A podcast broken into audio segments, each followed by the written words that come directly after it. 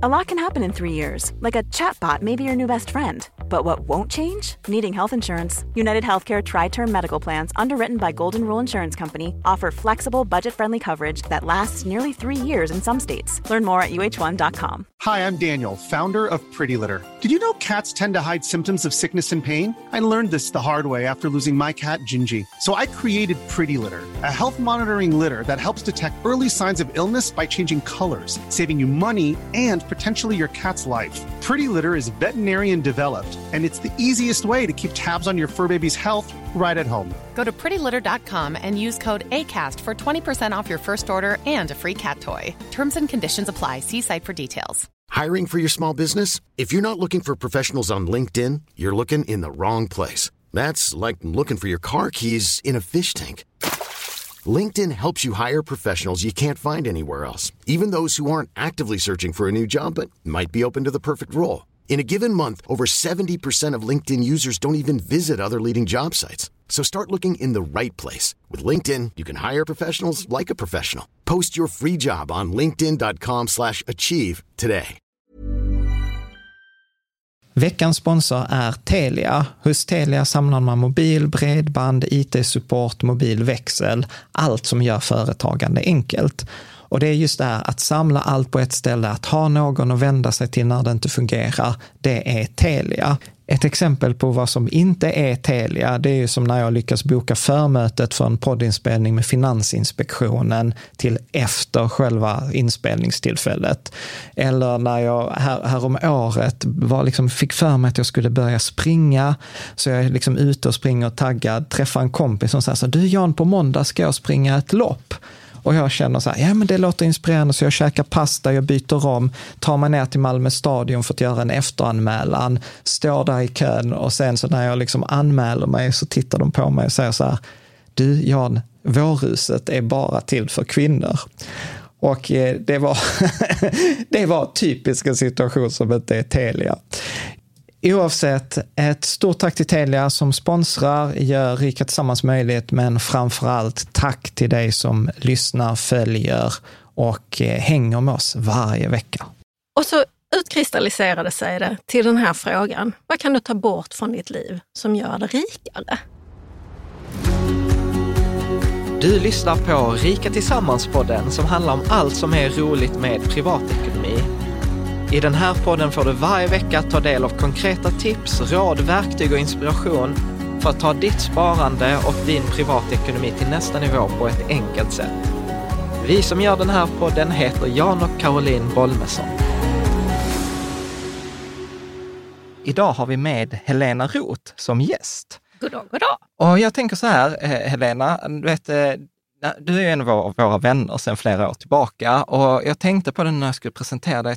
Du har ju nästan lika brokigt CV som jag. Att du har jobbat med allt från kvalitetsledning på Q Pharma och medtechbolag. Du designar fabriker och fabriksflöden i smyg. Eh, du har haft styrelsejobb i massa föreningar. Du tog initiativ till Skolvåren som var ett projekt på Twitter, eh, bland annat skulle lyfta den svenska skolan och liksom på senare tid uppfunnit det här begreppet som jag älskar och många i forumet har börjat älska i form av tankespjärn, som du både liksom poddar, skriver om, har en YouTube-kanal, en Patreon-community på då tankespjärn utan ät.com. Mm. Så välkommen! Tack! Vill du lägga till något? Nej, det låter ju brokigt. Det låter brokigt, ja. ja. Men väldigt roligt. Ja. Och för mig alldeles allt nödvändigt. Jag har insett det att jag står inte ut med liksom engrejsgrejen. Ja. Uh, och det är kanske det som speglar sig. Ja. Vad är den här en, engrejsgrejen?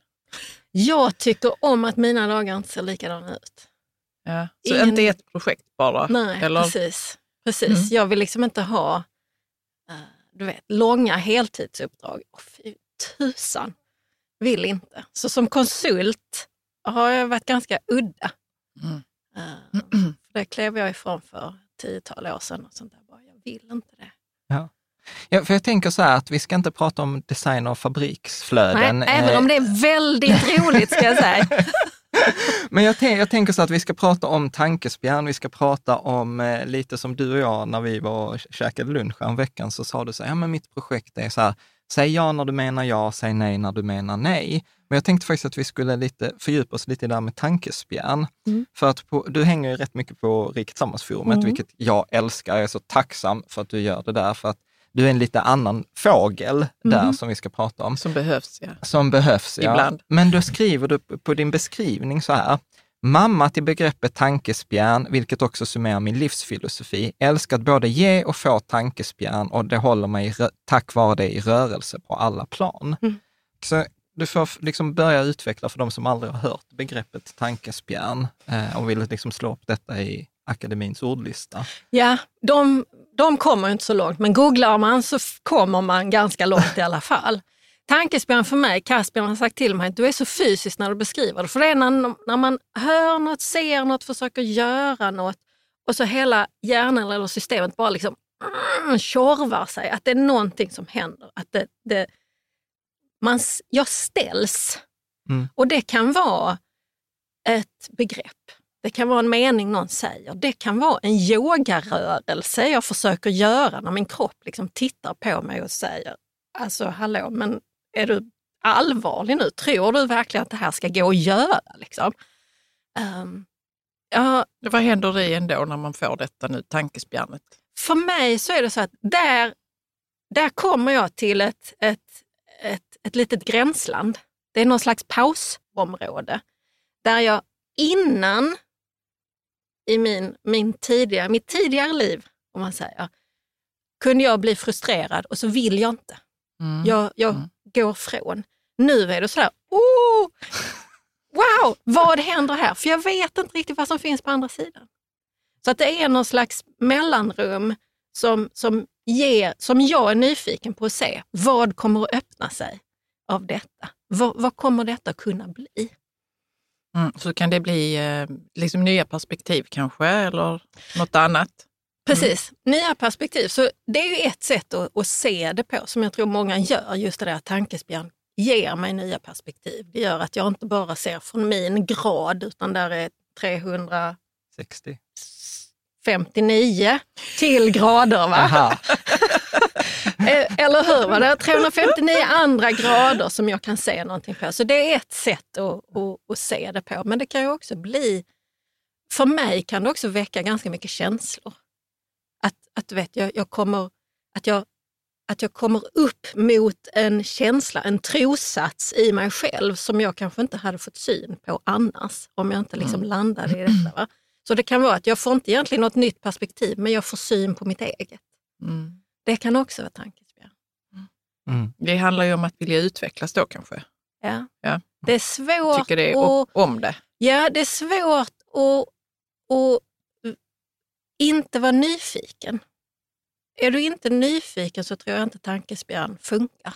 Alltså, då, du vet, då, för då, mm. då kliver du aldrig över. Va? För tankespjärn för mig är som en invit. Mm. Jag måste inte kliva in i det, men jag kan. Och det händer det att jag väljer att liksom, nej, mm. nej, fan, jag är, så, klarar inte mer just idag. Va? Jag har mm. liksom precis nått min kvot. Um, men om jag inte är nyfiken alls så skulle jag bara stänga dörren och gå därifrån. Mm. Men jag, jag, jag, tänker på det här, alltså vad jag menar också med udda fågel, för, för att Eh, du, du föreläste på en konferens nu i, i höstas med massa investerare och mm. liksom som var där just för att ja, men vi, vi investerar, vi tycker det är kul med pengar. Mm. Och sen kommer du upp och är så här, ja men eh, nu ska ni få ett litet tankespjärn här. Liksom så här, hur får du ett rikare liv genom att plocka bort grejer? Mm. Och jag tror du vet så här, man bara plötsligt såg en massa så här fågelholkar mm. i, i, i, i, pub, i publiken. och du vet, och det, det, det, är så här, för jag lyssnar ju på det och liksom hört det innan, men jag var så här, ja, det är en jävla fråga som har, som har förföljt mig nu här i, i liksom fyra månader. Mm. Kan, men, så... men det känns ändå som att du har varit där lite och petat innan Jan, att du har, har pratat om oss nu, jag är, du är 40, liksom, jag är 45. Att eh, ja, men det kommer komma en tid i vårt liv när vi kommer göra oss av med saker. Har du sagt? Ja. Mm. Så jag tänkte, ja det, stämmer nog. Ja, det är nog Helenas fel. Ja, det är Helenas fel. Så, så ja, vad ja. spännande det är ju. Ja. Men Istället kan du... för att köpa massa grejer. Ja. Men kan du inte säga någonting mer om, om det? Liksom. Mm. Det, det är ämnet som du pratade om där på Ja, konferensen. precis. Och lite grann det där var, för det, det var ju en sån där grej. Jag blev tillfrågad, kan du inte hålla? Typ, absolut, sa jag. Vad vill du att jag ska prata Ja, för det om? var roligt för det var massa börs grundare och sen var så här, nej, och sen, sen kommer Helena. Och du vet, alla var så Åh, undrar var hon är börs eller var hon investerar och sen bara blev det sån mindfuck. Precis, liksom. precis. För det var det som jag fick till mig, nämligen kom med någonting som man inte förväntar sig att höra på en sån dag. Ja. Som ju då i princip riktar sig mot investerare om man nu säger så. Och det är sådär, ja, vad kan jag? Så jag funderade mycket över detta och vi gick en promenad och jag Ja. spann på många grejer som det inte alls blev. Och så utkristalliserade sig det till den här frågan. Vad kan du ta bort från ditt liv som gör det rikare? Och det är precis en sån grej som kan ge ett tankespjärn för någon. För att man tvingas in i det där pausläget. Bara, eh, va? Liksom. Och vi, är, vi lever ju i en kultur som är så oerhört additiv, kan man säga det? Mm. Så att säga, vi ska addera, vi ska ha, det ska vara mer och det ska vara bättre och det ska vara snabbare och det ska vara, vara hippare och hotta. Alltså du vet, allting ska vara mer, mer, mer, mer, mer. Så, man ska köpa flera bilar, man ska ha många tv-apparater, man ska ha många kameror. Ja. Ehm, sådär. Så att bara den där tanken att fundera på, har jag adderat någonting som jag i grunden vill, som i grunden mår bra av, som faktiskt bara blir ett måste? Mm. Och det var ju det som för mig, för mig är det ju mer den aspekten av det hela, att det finns en massa måsten som jag har adderat i mitt liv. Du vet, ja, man köper en segelbåt, man köper en sommarstuga, man har tre bilar. Ja, helt plötsligt har du tre bilar som du ska ta hand om. Du har inte bara din egen trädgård, utan sommarstugans trädgård också. Alltså, du vet, du har två tak, du måste kanske by- alltså, Att det he- blir den där grejen att vi tänker oss att vi gör våra liv rikare genom att lägga till. Mm. Och så blir Ja. det istället att det kanske faktiskt kostar mer än vad vi tror. Mm. Och det blev bra. Det Ja, blev ett himla bra, ehm, bra snack av det där. ja. Vad, vad tänker du Caroline? Jo, jag tänker väl att eh, jag funderar mycket på det här med minimalism. För det är ju i ropet också. Mm. Eh, och har, tagit bort massa grejer i mitt liv. Eh, och en del grejer saknar jag inte, alltså rena prylar. Liksom. Och en del av dem saknar jag. Så att, för mig har det varit så att jag behöver liksom fundera lite innan jag tar bort saker i mitt liv. Mm. Men jag har nog aktivt gjort det väldigt länge, tagit bort den eh, upplevelsen eller eh, den personen eller eh, de eh, grejerna i garderoben. Mm. Och Ja. jag vet inte, jag tror inte att jag har varit, eh, tänkt efter så noga innan jag har gjort det. Utan det har bara varit det är skitjobbigt med det där, bort med det. Mm. Så att man kan ju också fundera lite innan man eh, Mm. Tar bort grejer. Ja. Eller vad tänker du Jan? Ja, men jag, jag tänker lite samma. Jag tänker att det är lite dit vi är på väg också, det här med säg ja när du menar ja, säg nej när du menar nej. Eh, tänker jag. Men jag, jag tänker in, innan, innan vi går dit så blir jag ändå så här lite nyfiken. Detta, har- detta har jag inte frågat dig om. Men jag tänker, du hänger ju ändå på ett, på ett ekonomiforum. Eh, du är ändå här och du föreläser på ekonomikonferens. Men liksom så här, är du intresserad av ekonomismyg? Alltså det här är ju så, nej. Alltså, jag funderade på det. Du, jag, jag snackade med min bror för någon, någon, två veckor sedan, vi facetimade, han bor i England. Och så började vi snacka igen. Ehm, ja, vi snackade om allt möjligt. Men jag, jag ställde honom just frågan, du, var kommer det ifrån? Har vi fått detta med oss hemifrån? Ja. Och han Mm. påminde mig om någonting som jag inte har ehm, tänkt på innan. Vi fick obligationer av morfar i julklapp till exempel. Thomas, då min bror, han fick någon aktie i julklapp eller födelsedagspresent sånt här. Jag har alltid haft ett sparkonto. Ja. Så, så, så att jag tror att även om jag kommer från en familj som inte egentligen har snackat mycket pengar så har den nog hela tiden funnits där. Så jag menar, jag vet ju att jag började leta liksom schyssta, jag är då inte som min bror, jag vill ha etiskt hållbart och så vidare. Va? Ja. Det började jag leta efter så fort jag flyttade hemifrån. Ja. Så nej, jag är pissointresserad av ekonomi. Men ekonomi i sin grund, det vill säga resurshushållning, Ja. det är, alltså jag går ju igång på resurslöseri så det står härliga till. Va? Så att där är nog någonting i det. Men alltså, nej. Du vet, budget och... Åh, nej. Ja, men det, Nej, det det håller jag med dig Ja, om. men det tycker inte tusan. heller är så kul. Men det är några andra aspekter av ja, resurser helt enkelt. Ja, Mm. precis, precis. Och jag tror att jag tänker på det mer. Och det har jag ju fått med mig också. Jag menar, sen jag började hänga med dig för fem, sex, sju år sedan någonting. Så, så jag menar hela det här eh, balansekonomi med att, att, så att, säga, att, att resurser är tid, energi, pengar. Ja. De här aspekterna, det har jag tänkt på innan men det har blivit tydligare så jag har börjat hänga med mer också. Men, men jag, ja, jag är pissointresserad. Alltså, du vet, jag har liksom ingen koll och samtidigt så har jag koll. Jag Ja. vet att när jag uh, skilde mig så kom jag till dig och sa hjälp, så sa du gör en sammanställning. Och så gjorde jag en sammanställning. Du vet, Ja. vad har jag på sparkontona och vad har jag på pensionskonton i olika fonder och fan och hans moster lite till. Så här.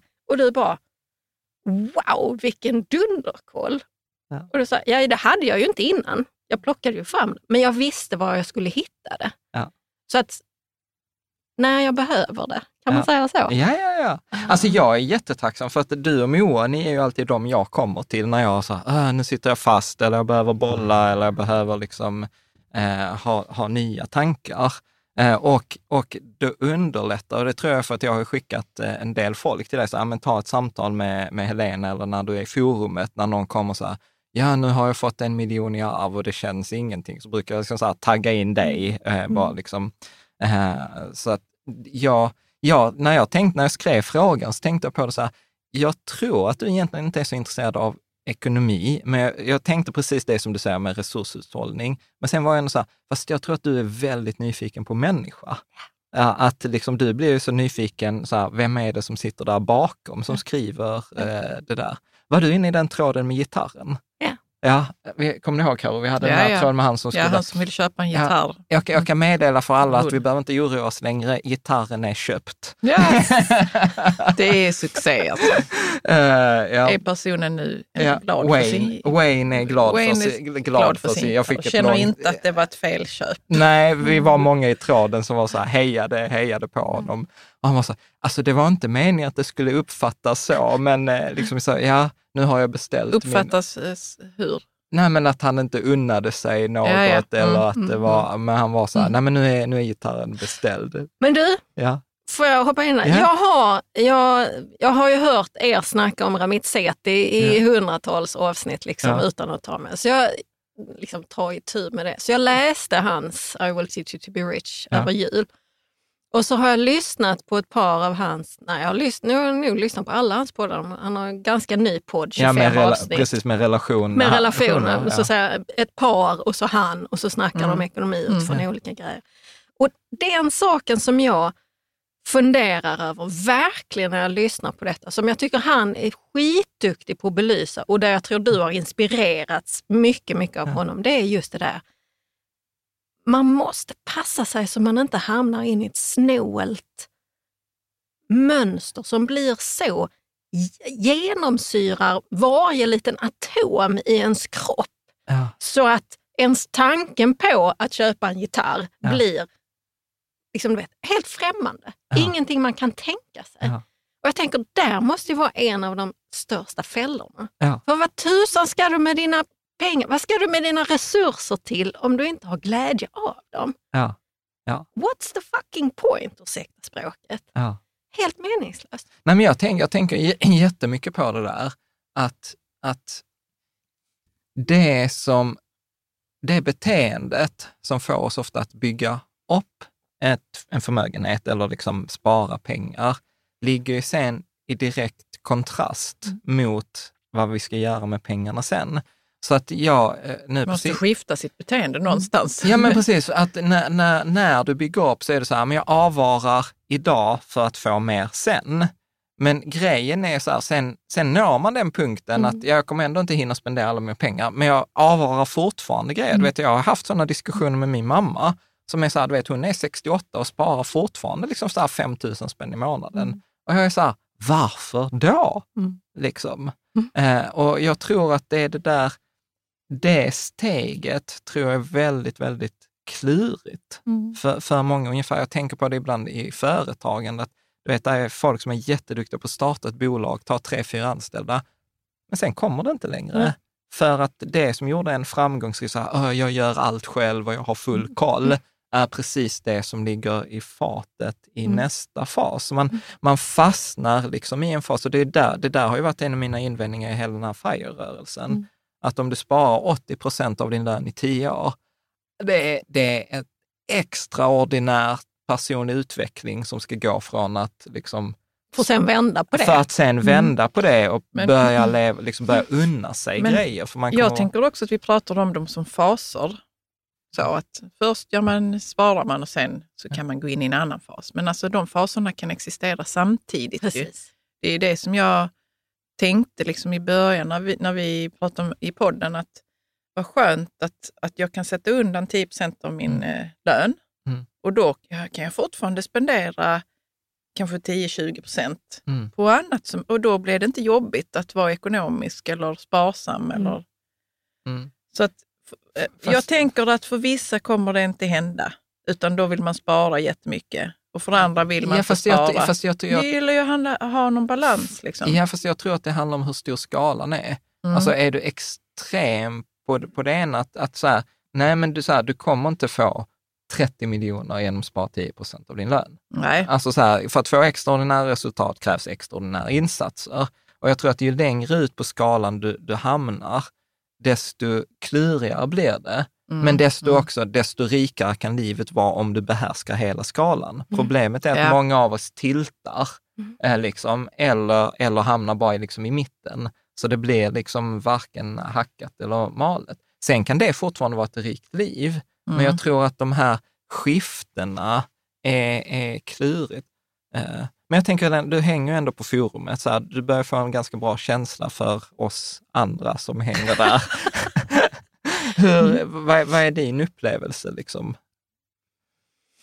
Det, för jag, jag upplever så här, folk har inga problem i sparande och investering. Det är snarare så att jag lär mig av dem. Men, Nej, ja, men, men jag upplever att många av oss, jag, jag ska inte säga emotionellt begränsade, men så kan jag känna mig om mig själv ibland. Att liksom, det emotionella är klurigare än det excelliga. ja, men det tror jag, det är nog en, en sådär generell Ja. sanning man, jag skulle kunna lägga på, på så att säga, Ja. snittanvändaren på forumet. Liksom. Men det jag tror mig se är just det här. Det, det är ju uppenbart att det finns väldigt, väldigt många som har ett extremt intresse. Ja. Som ju är inne och gör det där som hela din filosofi egentligen säger don't do. Det vill säga, det är ju finliret. Det är liksom på 0,0 procent liksom förändringar som man är inne och pillar och pillar och pillar och pillar och, och liksom leker med.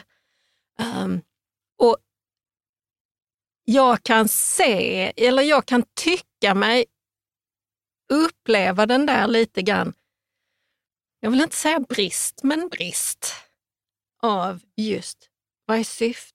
Vad ska jag med det till? Varför är det viktigt för mig?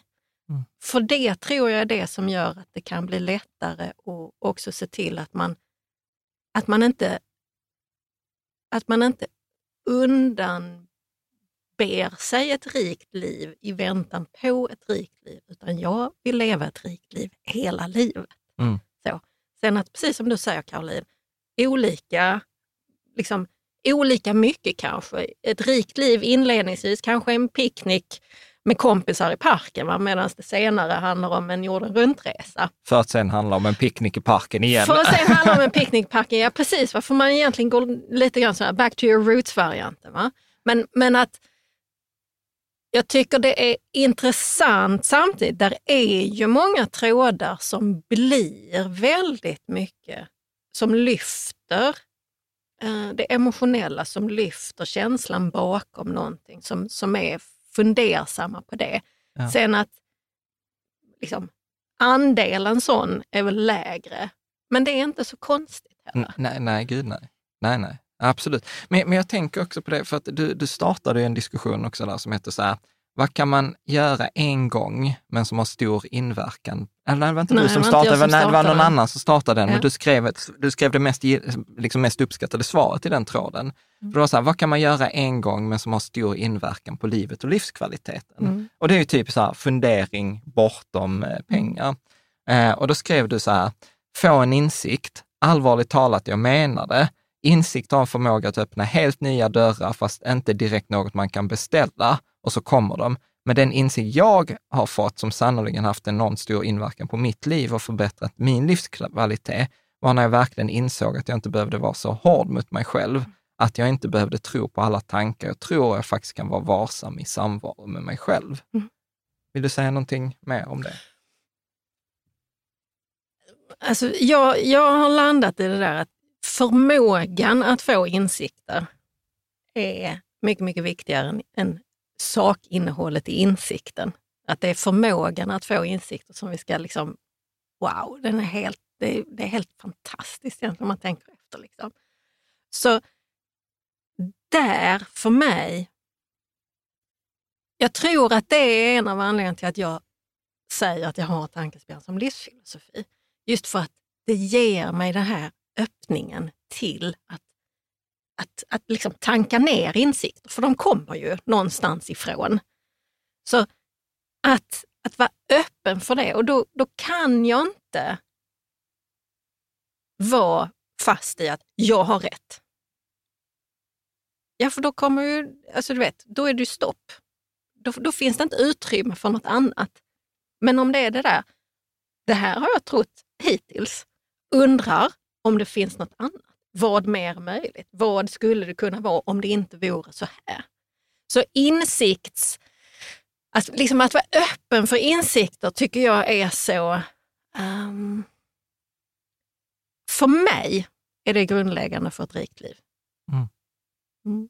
Och jag har inte varit öppen för insikter under hälften av mitt liv åtminstone. Just för att jag var så hård mot mig själv. När jag fick insikter, eller de i alla fall kom och knackade på, så tog jag det som, du vet, ehm, att jag klankade ner på mig själv. Aha, har jag inte varit bra nog innan? Va? För då har jag haft fel innan. Och så var jag så himla hård mot mig själv så att jag, liksom, du vet, jag bara studsade bort dem. Jag kunde inte ta det. För att då, då blev jag så hård mot mig själv så jag bara bankade på mig själv.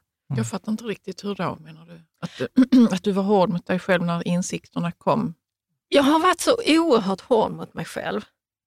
Att du ska liksom vara duktig eller Jag måste vara prestera? bäst. Eller Jag vara... måste, Okej. ja, du vet, så här, Mm, jag okej. extremt höga krav på mig själv. Så om jag ens kom till en, en tanke, du vet när jag var tonåring, så kunde jag, jag kunde argumentera mig blå för saker fast jag visste att det var fel. För jag kunde fan inte erkänna för mig själv att jag hade fel. För mitt värde låg i, du vet, jag kallar mig, eller folk kallar mig encyclopedia helenica. Mm, Liksom. mm. Jag har rätt. Det är där i mitt värde ligger. Så om jag ställdes inför någonting, du sa någonting och så bara, han har ju rätt, så kunde jag inte erkänna det. För att jag blev så im... Du vet, jag bankar på mig själv och det grövsta i de situationerna. Du vet, bara liksom totalt bara sågade mig själv i den inre dialogen. Mhm. Och så i den yttre så behövde du säga så, Upprätthålla jo, masken. Jo, jo, jag har minsann Jag rätt. har minsann Okej. rätt. Mm. Så, du har fel. Okej. Mm. Men, men handlar det så mycket om att ha rätt? För jag känner väl igen det där att, att det kanske inte handlar så mycket om... Jag tror inte det är någon som sitter och lyssnar på så här, "Ö, det där känner jag igen mig i. För att det dyker ju inte upp så här, jag har egentligen fel men jag ska argumentera för detta för jag är lite dum i huvudet. Alltså det är inte så det dyker upp för en, utan det, hur dyker det där upp egentligen? Alltså förstår du? Ja, hur är upplevelsen där?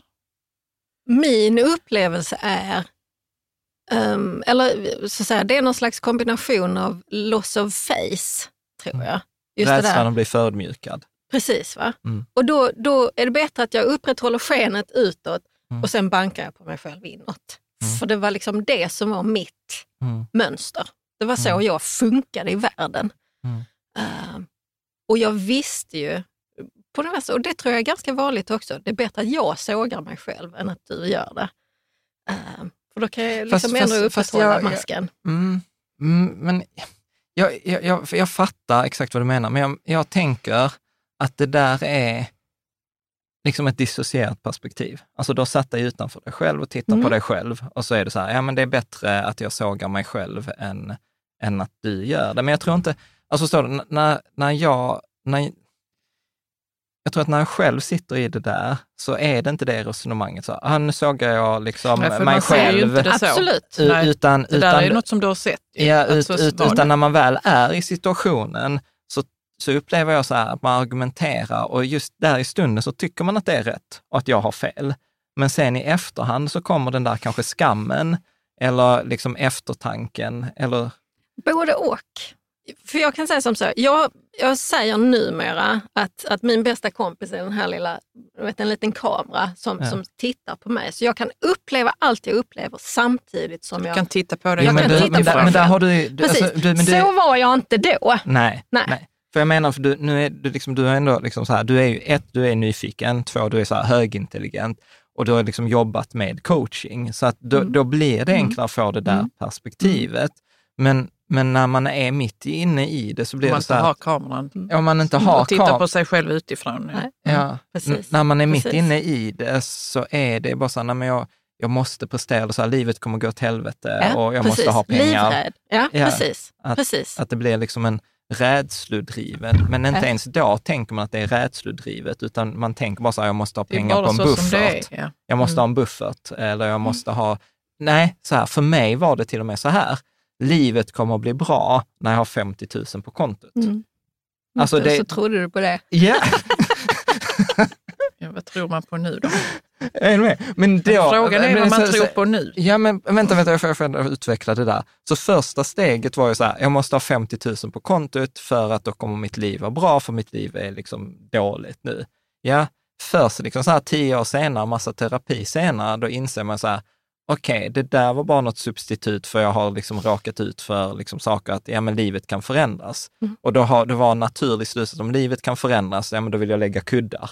Mm. Okej, om jag ändå ska lägga kuddar, vilka är de bästa kuddarna? Ja, men det är pengar. Mm. Okej, sen kom vi upp i 50 000 och då var det så här, "Ah, jag måste ha större kuddar. Mm. 100 000. "Ah, jag måste ha ännu större kuddar för man hittar på ännu. Mm. Och, och där var i alla fall inte jag medveten om bara så här, alltså Jan, du vet, det handlar inte om att ha trygghet i pengarna, det handlar om att trygghet i att du kan skapa Mm. pengarna. Eller rationellt, så här, jag hade inte den här tillgång till farligast just nu, vad är farligt versus troligt? Utan det var ju bara som att jag sprang runt i det där eh, hamsterhjulet. Mm. Men, men jag, jag minns någon gång som jag hade en diskussion, jag, jag vet, 16, 18 år, Mm. så här, om någon låt.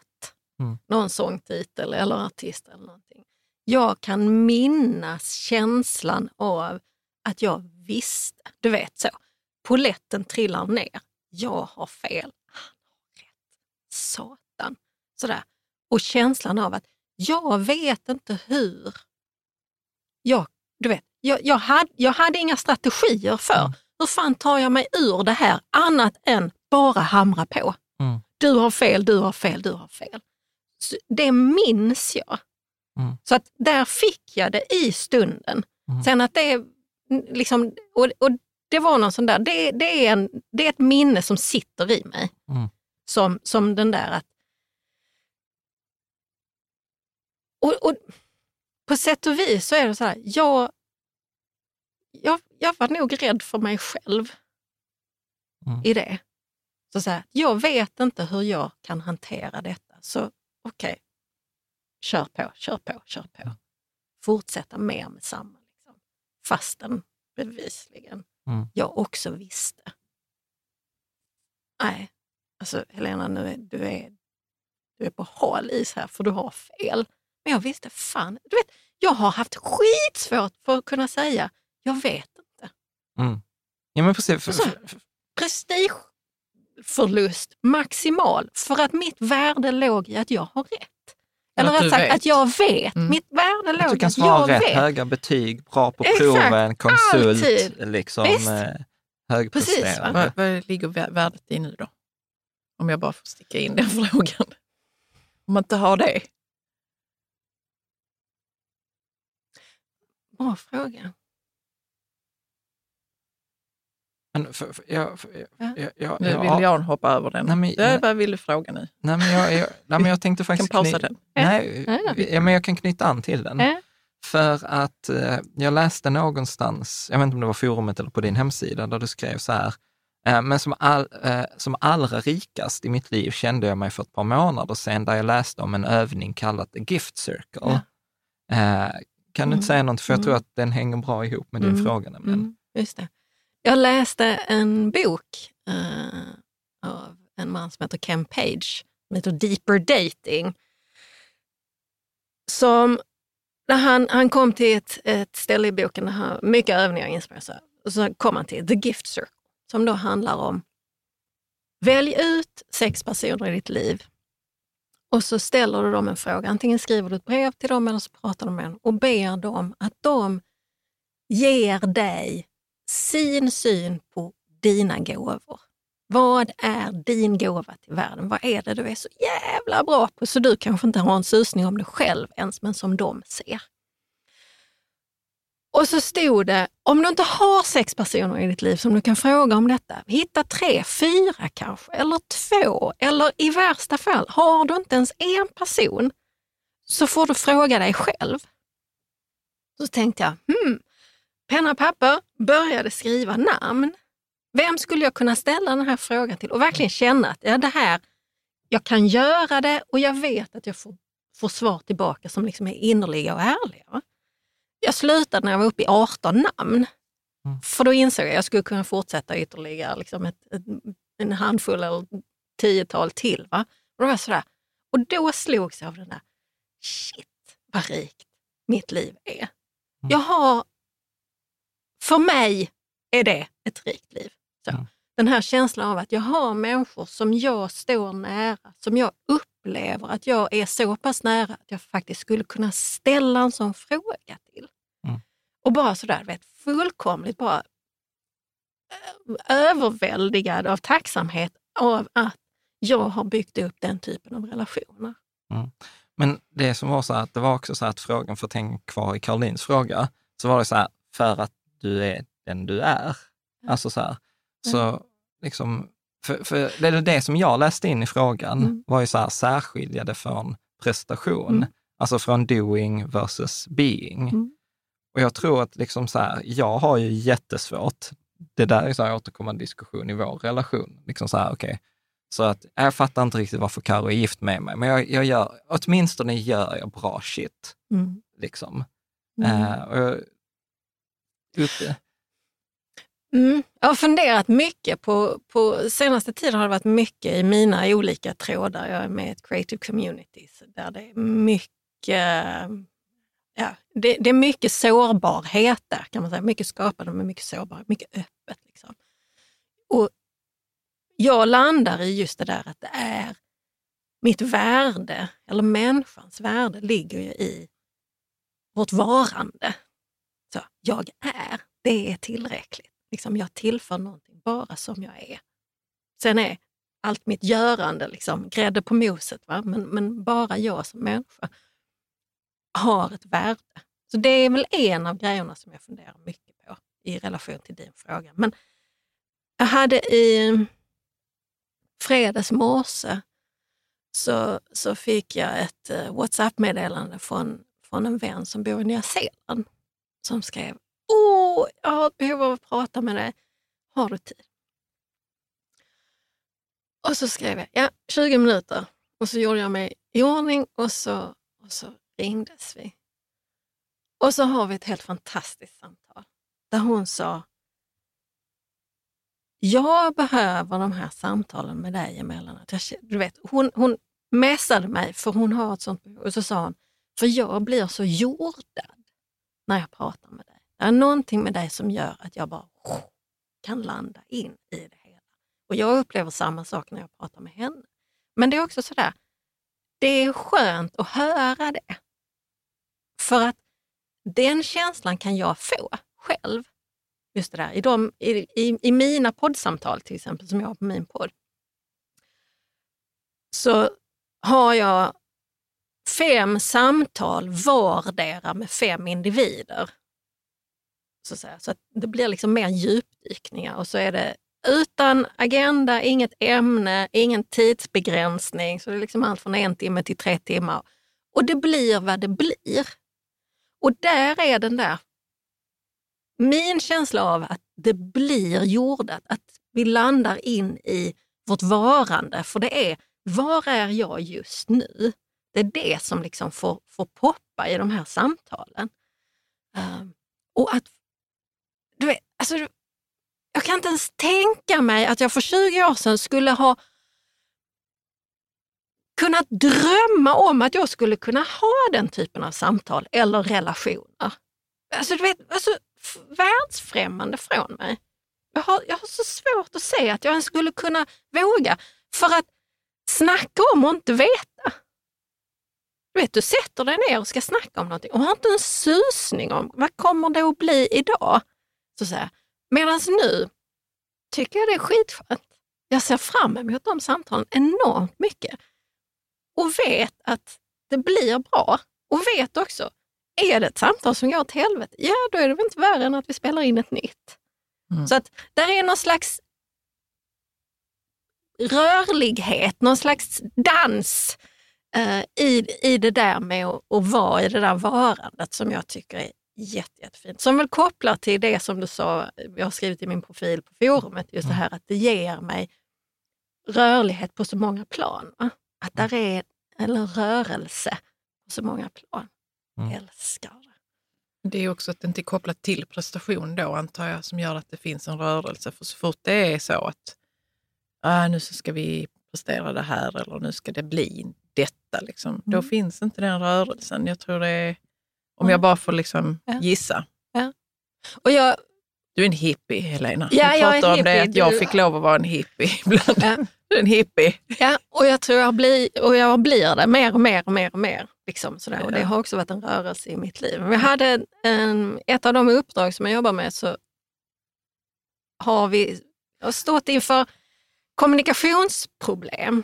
Och så skulle vi göra en sak. Vi skulle Förlåt, göra alltså jag måste bara flika in. Alltså nu pratar sig Helena om när hon bygger fabriker. Det är ja. det som blir så här mindfuck ja. för mig. För vi har ja. liksom detta så här skitskumma samtalet och sen blir det så här, ah, men sen designar fabrik. Jo, jo, men det är jättebra att du tar det till en liksom greppbar nivå, för det behöver vara greppbart när det blir diffust och man pratar om eh, Jo, jag vet inte, jo, jo, men det, jo, precis, men det coola här är, eh, vart för att jag avbryter, för jag, jag gissar att du är på väg dit, men när det coola, när du kan liksom så här, ta detta så här skitskumma hippie-grejen mm och lägga det på alltså så här, seriöst projektmöte där vi pratar GMP-standarder i en läkemedelsfabrik som ska ja. flytta från Sverige till norra Italien. Ja, ja, förlåt, nu får du precis. fortsätta. Bra, bra, bra.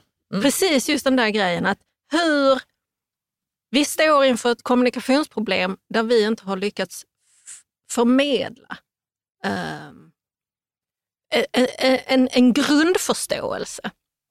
Och så har vi gjort olika försök och så vidare. Och så och så Det är sådär, ah, men det måste vara det här, vi måste göra det här och det här. Och, det här. och jag bara, nej, det måste vi inte. För då förutsätter vi att grundförståelsen finns där. Det var vad jag fick till mig. Så här, okay, nej, om vi nu om vi drar ner det på basal nivå. Så vi gjorde en, en typ av presentation i bilder. Bildstöd.se tror jag, eller bildstöd.com skitbra sida. Satan i gatan vad mycket man kan få hjälp där. Så vi har varit sådär, då har vi gjort en presentation på sätt och vis av frågor och funderingar kring korskontamination, kring flöden av disk och personal och skyddsutrustningar och så vidare. Med bilder. Mm. Hur du har, har du recirkulerande ventilation eller inte? Alltså. I princip ingen text. Nej, det är så man ska kommunicera. Du, det blev skit och då var det också sådär, ja men, nej, men vi måste göra det här och det här och det här. Nej, det måste vi inte. Vi, för att då förutsätter vi att om vi plockar hem det på basal så nivå. Hur fick du med folk på detta? Alltså jag har haft så svårt att få, få folk att, att använda nästan bara bilder när jag har försökt mm. hjälpa forskare att kommunicera vad det är de vad det är de gör och sådär. Vi är väldigt visuella, många av oss, Mm. och får mycket genom bilder och slipper att läsa samtidigt Mm. som någon Precis, pratar. precis. Hur fick du med? Det bara, bara en fråga. Du var bara att de litar på dig. De har jobbat Ja, med dig de innan. jobb- ja, de vet så, men precis. Helena vet vad Och de- problemet är här ja, nu. Hon vet lösningen också. Nej, det tror jag Mm. inte. Däremot, de har alla sett mina utbildningar, de har alla varit med på utbildningar jag håller. Ja, ja. När jag håller Mm. utbildningar så Mm. är det inte många ord på bilderna. Nej, nej jag Så. förstår. Ja, men då har de en förförståelse. Så de har en förförståelse Perfekt. för mig Mm. där. Mm. Och sen så har vi ju nu då brottats mot den här kommunikationsbristen, eh, glitchen i ett halvårs tid. Så att vi alla har insett att vi har, vi har börjat här, ja, men du vet, dokumenten översatta till engelska, varsågod, funkar det inte? Okej, vi skriver om dem, Mm. funkar det inte? Okej, vi, vi Men gör jag- en jag- annan grej, Så funkar ni det har inte? testat massa. Ja, Precis, men det- så vi gick ner till ja, men jag det. förstår. Ja. Men jag, tänk, jag tänker ju så här att det där är så här klassiskt exempel på den här principen, så här, problemet är inte problemet, Ja. eller problemet är större än problemet. Att försöka liksom, du behöver titta annorlunda. Men jag tycker vi spårade ur här. Eh, för att komma tillbaka till, till ämnet, jag vet inte ens var vi var. Alltså ämnet för dagen är, säg ja när du Ja, ja, ja. Ja, det har vi inte Säg kommit nej till än. 45 så minuter. tänker jag så här, men vi 45 kommer minuter. till det strax. 45 minuter uh, sen. Nej, men vi var på det här att egentligen liksom kombinera att, liksom att du var inne så här att jag kunde inte tänka för 20 år sedan att jag kunde ha Mm. det här rika livet. Mm. Eh, liksom. så att, men om, om du skulle liksom så här sammanfatta, så vad, vad är ett rikt liv för dig? Liksom. För det som jag tycker är spännande med dig, nu bara hittar jag på Mm. och lägger ord i din mun, Mm. eh, men jag upplever att du har eh, ett väldigt rikt liv, Mm. men det handlar väldigt lite om pengar. Mm. Det stämmer. Ja. Och det Ah. tycker jag, är liksom, och det, det är så här, och det är genuint. Det är inte så här, oh fire, jag har inga Nej. pengar så jag behöver liksom måla en apelsin eh, grön och låtsas att det är ett äpple, men jag vet egentligen att det är en apelsin. Ja, eller, Nej, Och- det har jag, ska argumentera för att det är ett äpple. ja, jag ska Fortsätta med den livsstilen. Fortsätta med, Som du har sagt, men jag gör inte det längre. Det hade ju varit så jävla roligt. Alltså. Ja, nej, Nej, det, gör är jag inte det. inte. Nej. Nej. det gör jag inte. Nej, men jag, jag, för mig är ett rikt liv nog relation. Mm. Och då är det, jag ser det som två saker. Det är relation med andra, absolut. Och jag är duktig på det. Jag är duktig på att knyta an djupt till människor. Jag har en jävligt stor familj. Mm. Fastän min liksom, grundblodfamilj är ganska liten så har jag många som jag anser mig väldigt, väldigt. Men jag har också blivit väldigt, väldigt bra på relation till mig. Mm. Och den tror jag är lika viktig för mig. Så jag njuter av att vara med mig. Jag trivs med mig. Jag fascineras av mig och frustreras över mig och hela den biten. Men jag tycker väldigt, väldigt mycket om mig. Samtidigt som jag brottas med precis all jävla skit som de flesta andra människor gör om, igen, vad är mitt värde och är jag verkligen värd det här? Och jag vet allt det där. Men det går jag i terapi för, så det är lugnt. Men jag tror att det är relationer för mig. Mm. Jag behöver inte så mycket. Jag vill inte ha, vet, jag vill inte ha bil, jag vill inte ha, gud förbjude, sommarstuga eller jag vill inte ut och resa. Vet, för jag vill inte det nu längre. Jag bara så här, nej, jag vill inte ha. Jag är jätte, jättenöjd med, med, jag är verkligen nöjd med mitt liv som jag har det. Jag trivs. Hej, det är Ryan Reynolds, och jag är här med Keith, co star of my upcoming film, If, only in theaters, May 17th. Do you want to tell people the big news? All right, I'll do it. Sign up now and you'll get unlimited for $15 a month and six months of Paramount Plus Essential Plan on us. Mintmobile.com slash switch. Upfront payment of $45 equivalent to $15 per month. Unlimited over 40 gigabytes per month. Face lower speeds. Videos at 480p. Active Mint customers by 531.24 get six months of Paramount Plus Essential Plan. Auto renews after six months. Offer ends May 31st, 2024. Separate Paramount Plus registration required. Terms and conditions apply if rated PG. I'm Sandra, and I'm just the professional your small business was looking for. But you didn't hire me because you didn't use LinkedIn jobs. LinkedIn has professionals you can't find anywhere else, including those who aren't actively looking for a new job but might be open to the perfect role, like me.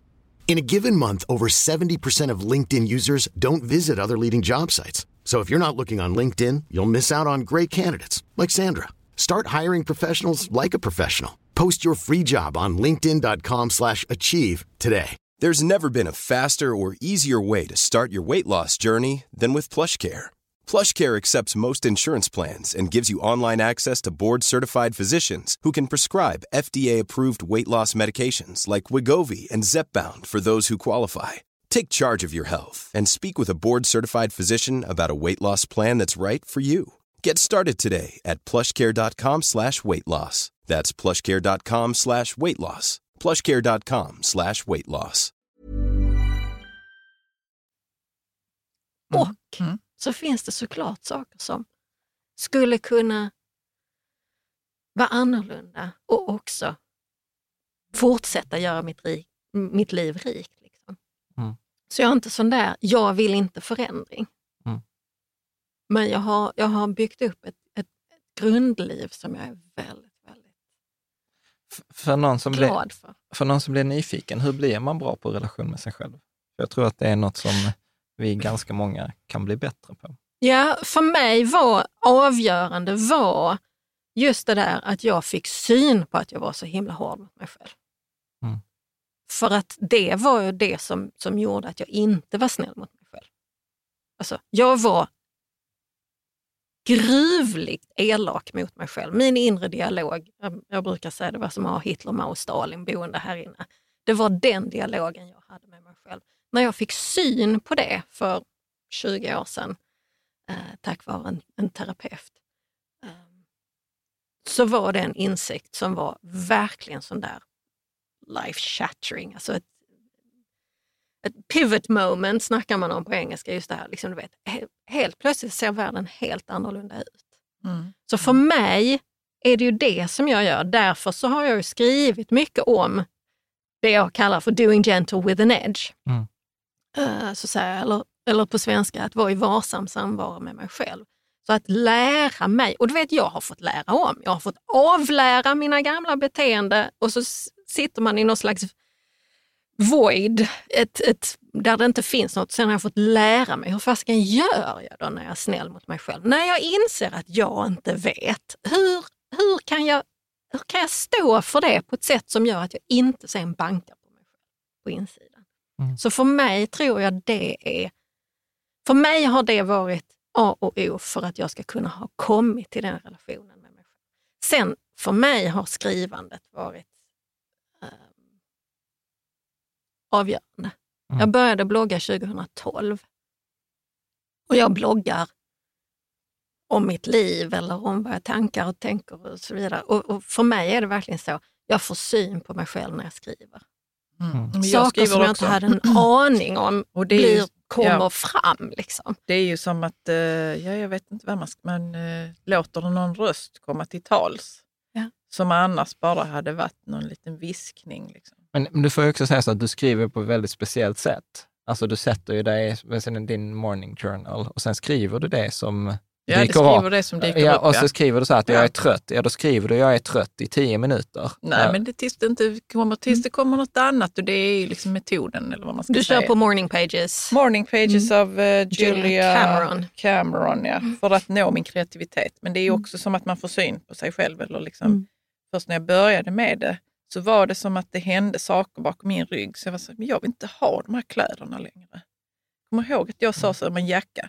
Den är inte feminin, jag vill inte ha den. Mm. Du bara, men det är ju skitbra North Face-jacka. Bara, jag skiter i det, jag vill inte ha den längre.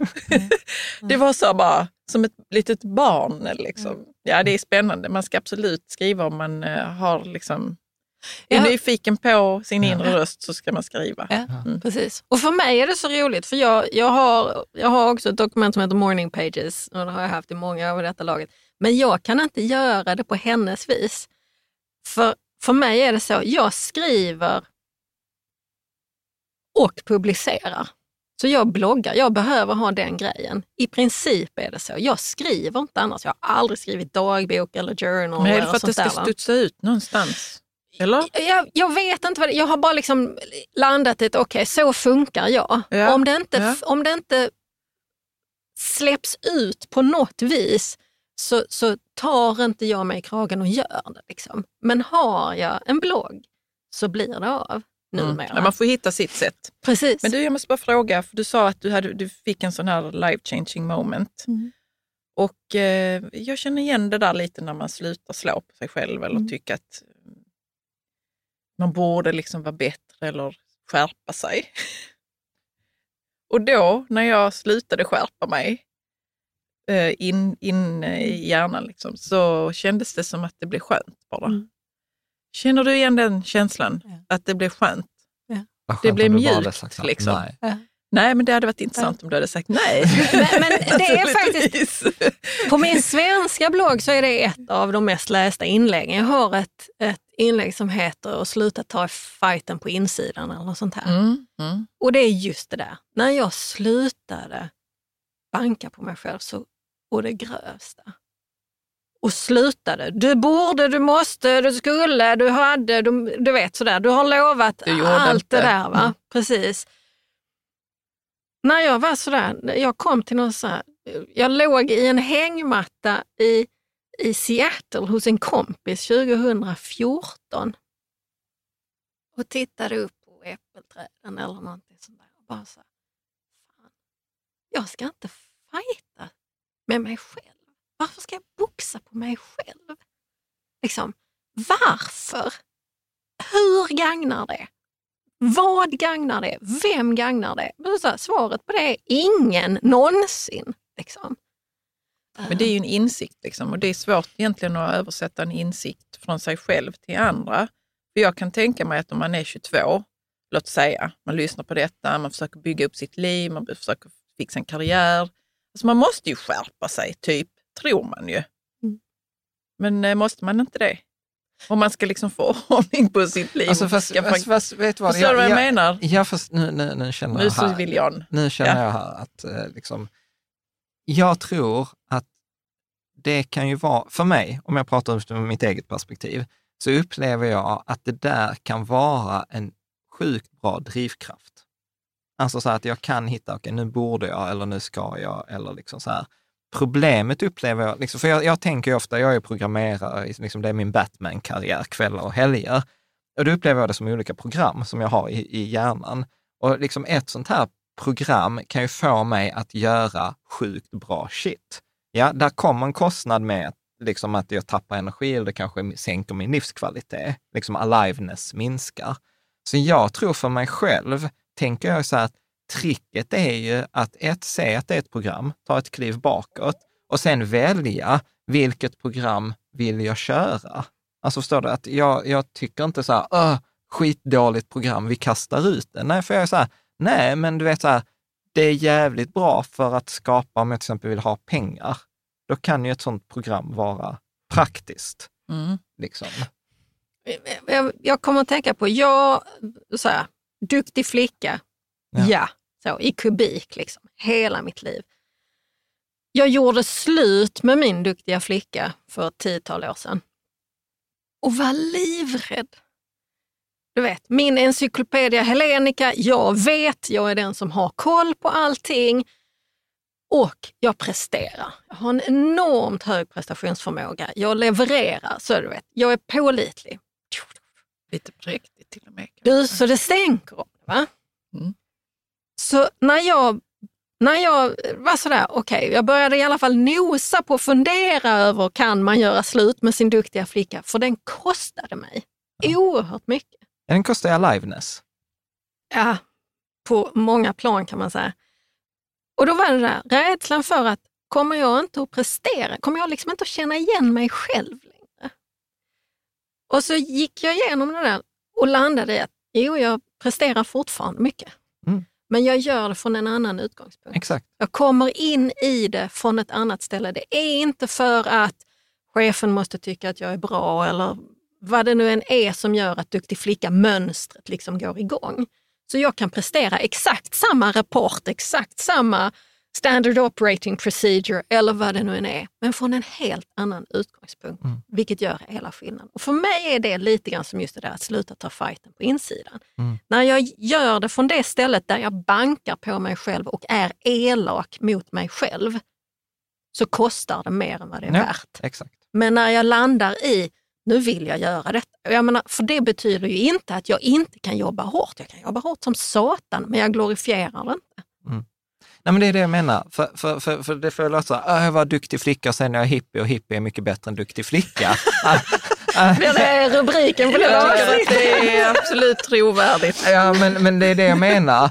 För, för, för att jag vet ju att du presterar good shit och jag vet att i perioder jobbar du mycket. Men det är det jag menar, att det är det som är tricket. Vem håller i kopplet? Och, och av, liksom, eller, eller för att ta en annan metafor, i vilken jord är denna blomman planterad? Jag kan vara i den så här, shit, jag har inget värde, jag måste prestera för annars får jag inte uppmärksamhet. Eller så här, jag kan prestera precis samma grej för att jag vill, för jag tycker detta är ball, för jag har valt det, för att detta är liksom det som finansierar andra grejer eller någonting. Eh, och det, det är det jag menar, så att blomman ser likadan ut, men det är en jäkla skillnad var, vilken jord den, den, den står i. Men jag undrar Helena, vad gör du av ditt ego?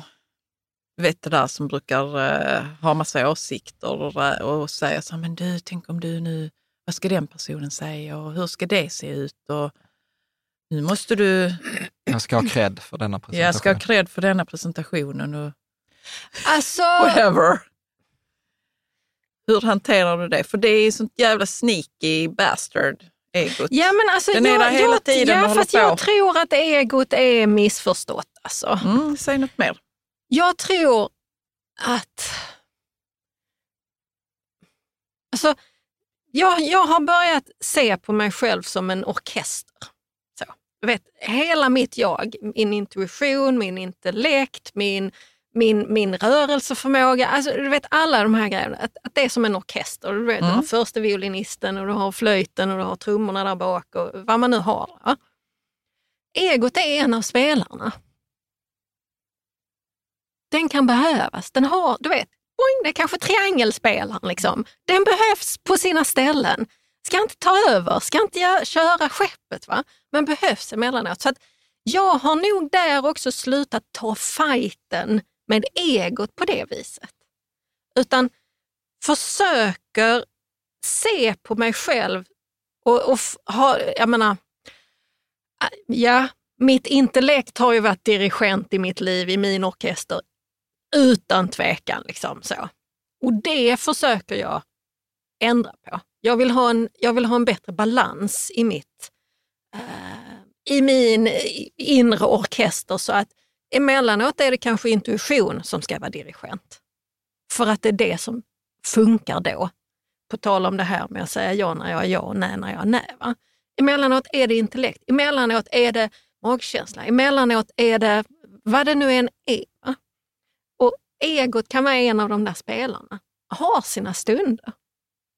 Mm. Men jag behöver liksom inte banka på den eller Nej, nej, kasta absolut. bort jag det eller sådär. att, eh, Jag håller med om att egot kan ha eh, en plats, liksom. men jag upplever att egot har otroligt lite som, som den egentligen bidrar med. faktiskt. Och då, det, jag, jag, ja, jag, jag vet inte om jag håller med. Egot kan man väl säga är liksom någon slags, eh, den ska ju se till att eh, jag som organism fortsätter att leva, om man nu bara Ja. ska hårdra det. Ja. Skydda mig. Ja. Mm. Och det är väl viktigt.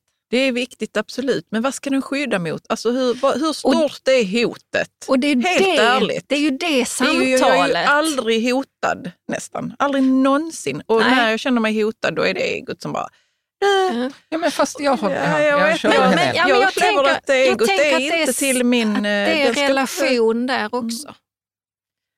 Att jag behöver vara i relation med mitt ego. När mitt ego är hotat, ja men sätt mig ner och prata med egot. Jag då. behöver bara få syn på det, så är det allt okej. Ja. Om jag får syn på att egot vill någonting, men det vill oftast någonting, Ja. då är allt okej sen. Då har den blivit sedd. Liksom. Precis. Precis.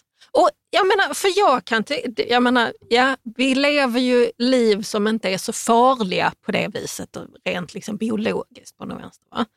Så att vi lägger ju in, jag menar egot har ju kanske fått liksom lite frispel, han får flippa på alla de här psykologiska hittepå-grejerna. Oh, nu tittade han snett på mig, det betyder att han tycker jag snackar skit eller något. Alltså, du vet, Sådana grejer kan du ju gå igång på, absolut. Men jag tror att det, är, det låter som du har en ganska schysst relation med ditt ego. Ja. Den behöver bli Ja, sedd. då och då. Ja, Jag den behöver bli inte sedd. det. För att mitt ego krockar med ditt ibland, eller hur? Nej, ja, det är inte mitt ego Jo, det jag har mycket med. ego. Jag har absolut, jag har absolut ego, signifikansbehov och massa... massa Men, men det, det, det, Men- men det har är vi och helt- det ska vi ha. Ja, ja, absolut. Och inte döma sig själv Nej. för, för det Nej. där. Men jag upplever så, så här, absolut att ditt ego är bra i vissa situationer. Men åter, jag, jag tror att det är samma sak där. Vem håller i kopplet? Mm. Är det egot som är ute och går med mig Mm. liksom, och drar mig efter sig? Eller är det jag som, liksom, precis som du kan säga, liksom, det är en spel, jag älskade din metafor med orkester, för innan har jag tänkt på det som i den här, vad heter den där Disney-filmen? Eh, Insidan ut. insidan ut, att jag har Mm. liksom tänkt att det där är en sån... Du har en sån sk- liksom så här, skrivbord där uppe i med de olika känslorna. med olika känslorna. Liksom. Ja. Men, men eh, om vi skulle, det där är ett spännande, det är ett, kanske ett samtal för ett annat poddavsnitt. Vilket? Du och ditt ego. Du och ditt ego. Ja, vi, vi Liksom. kan absolut prata mer om det. Jag är oerhört intresserad av egot. Ja. Ja. Oerhört intresserad. Ja. Eh, men jag, jag tänker, det vi egentligen skulle pratat Mm. om, eh, Mm. det var ju så att du, jag frågade ju dig på, på lunchen här veckan, så bara så här, men vad är ditt spel för 20, Mm. eh, din lek för 2022? Mm. Och så sa du så här, ja men det är så här, säg ja när du menar ja, säg nej när du menar nej. Kan du Och inte- en, en mer, säg ja när jag är ja. Säg nej när jag är nej. det Alltså- låter ju väldigt hippieaktigt. Ja, och det känns väldigt hippieaktigt. Men alltså, det här är en lång resa som jag har gjort senaste åren. Ehm, där det verkligen är den här, du vet insikten. Jag går i terapi sedan ett och ett halvt år sedan ungefär. Där ingången har varit att jag ser det som en djupdykning i skam. Av olika rutiga och randiga skäl så var liksom skam, den en, det var slutbossen. På den nivån av livet jag är på så är det, liksom, det är den jag inte har tagit mig an. Slutbossen Mm. alltså. Och sen så Mm. kommer jag liksom, du vet, levla och sen kommer alla eh, bossarna komma tillbaka. Så måste jag liksom, men jag är en ny level så. Mm. Så Mm. slutbossen skam, nu ska vi djupdyka i detta. Och det har varit helt fantastiskt. Men en av grejerna som jag verkligen har fått syn på är hur ofta jag har sagt ja när jag är nej. Och hur ofta jag har sagt nej när jag är ja. Och de är fan ta mig lika viktiga båda två. Och jag vill inte leva så. Jag vill inte leva på ett sånt vis att jag är oärlig mot mig själv och andra. För om jag säger åh ja, så trevligt, när hela mitt jag bara säger nej, inte fan blir det bra för dig heller. Liksom. Kan du ge exempel på vad, när det kan hända? Det, alltså, det kan vara när någon frågar, ska vi gå och käka lunch? Jag tror du sa i något avsnitt som jag lyssnade på ganska nyligen, nej, det var kanske något annat, just det här, du vet någon säger, ja men ska vi gå och göra den här grejen? Absolut, och sen kan vi göra det här och det här och det här också. Nej men jag ville bara det där Mm. första. Så, ska vi gå och titta på en Ja, det är- konstutställning? ja. Absolut, ja, och sen kan vi käka middag efter. Nej, jag vill hem till mig. liksom. Ja, det är, rätt. det är absolut rätt. Det händer i mitt liv hela tiden. Ja. Och, jag, och jag, det är en av grejerna. Jag menar, sen, jag menar, det finns ju tillfällen när igen det är sådär, ja men jag fattar att jag är nej fast det är ett ja för att jag har sagt något eller för att jag är förälder. Jag kanske absolut inte vill torka spyor men du vet, där är spyor Ja, att visst, torka, då får man visst. göra det. va? Men, men, men att det är just det där att jag vill åtminstone hedra mig själv så att jag ser att vad jag är. Är att ja eller är att nej? Ja, Och hur får man syn på det där i den stunden när det är kritiskt att man då öppnar munnen och säger det blir bara detta. Och det är där för mig som orkesteranalogin kommer in. Ja. Om det är mitt intellekt så blir som styr så är det väldigt ofta så att det blir ja när jag är nej och nej när jag blir ja. För att intellektet kan göra någon rationalisering som säger varför det här är en god idé. Medan det är en intuition som kvider i bakgrunden. Så jag har Mm. senaste, senaste månaderna fått syn på det. Jag skrev ett inlägg som heter Nudges of Intuition. Jag leker kontor hemma hos Caspian en gång i veckan. Skulle jag dit och så fick jag en känsla av att jag skulle ta med mig en bok. Jag bara, varför skulle jag ta med mig en bok till Caspian? Jag jag sitter och jobbar, liksom. det finns ingen glädje av en bok. Och jag läste just då en tjock bok, jag älskar tegelstenar. Så jag tog inte med mig den för att mitt... Du rationaliserar jag bort den. rationaliserade bort den. Varför skulle jag släpa med mig en 1,5 kilos bok till Caspian som jag inte kommer att använda? Kommer jag till Caspian har en elektriker i lägenheten som håller på att jobba. Absolut inga problem. Säger elektrikern då vid lunchtid någonting. Jag drar strömmen nu. Okej, visst, säger jag. Och så fortsätter vi. Du vet, man kan surfa via mobilen och, och liksom finns batteri i, i datorn. Men då, det var innan jag hade köpt min nya dator, det har jag gjort nu. Mm. Så en och en halv timme senare så var ju min ström på datorn liksom sådär, ner på 8 procent. Mm, Okej, och så slog det mig. Det var därför jag skulle haft med mig den här boken. Då hade jag kunnat sitta här och läsa. Går inte nu? Okej, fråga elektrikern. Elektrikern, elektrikern, hur lång tid dröjer det liksom? Ah, det är en stund till. Har jobbat tillräckligt mycket med att bygga fabrik. Så här, stund, inget bra mätetal. Nej, Menar du tio dagen, minuter, ja. en halvtimme, en timme? Var så här, ah, halvtimme, en timme. Okej, tänkte jag, det är minst två timmar. Jag kan inte göra någonting. Så jag packade ihop och stack hem och kände, det var det jag skulle haft boken för. Och jag kände ju på mig det på morgonen. Så för någon månad sedan så skulle jag till Caspian igen, läkarkontor, men först så skulle jag ner till Limhamn till kiropraktikakuten, till kiropraktorn. På morgonen så var jag så här, jag ska ta min plånbok. Jag brukar inte ha den med, för du vet, Apple Pay liksom, eller Mobile Pay i telefonen. Okej, okay, Okej, jag tar den, tänkte jag. Jag fick en nudge, jag följde den. Kom jag till kiropraktorn, äh, blir kiroprakterad eller vad det nu kan heta, går och ska betala och kom på, nu vet jag varför jag skulle ha med mig plånboken, för jag ska ju inte betala privat, Nej, det utan det är företaget. Ja, ja, ja. Mm. Så. Mm. Och då blev jag så, ja! Här var en nudge of intuition som jag följde. Och du vet, då high-fivade jag mig själv. För det var sådär, gud vad skönt att bara följa de här. Men, men Helena, är inte detta bara så här, liksom så här rationalisering? Alltså så här, sen, kan, sen kan jag vara Nej, så jag här, inte heller vänta, vänta, vänta, vänta, vänta, Mm. att det är rationalisering. Sen kan jag absolut vara i att livet blir roligare med sådana rationaliseringar. Men där är ju säkert hundra sådana grejer där, är med, där du inte fick effekt eller verkan Ab- i målet absolut. för det där. Absolut, det må, må vara så hänt. Va? Men, men jag tänker som så, om man lever sitt liv utan, utifrån tron att rationellt är basen för mänskligt liv eller för liv, Ja, då är man så exakt. snett på det som man liksom, Va? vet, det är helt snett. För det är begränsat. Där kan man snacka en grad, det finns 359 grader till. Liksom. Så nej, tror inte det. Nej, men alltså jag, jag tänker ju på många sådana saker. Så här, behöver det vara sant eller rätt? eller så här? Mm. Det behöver det inte.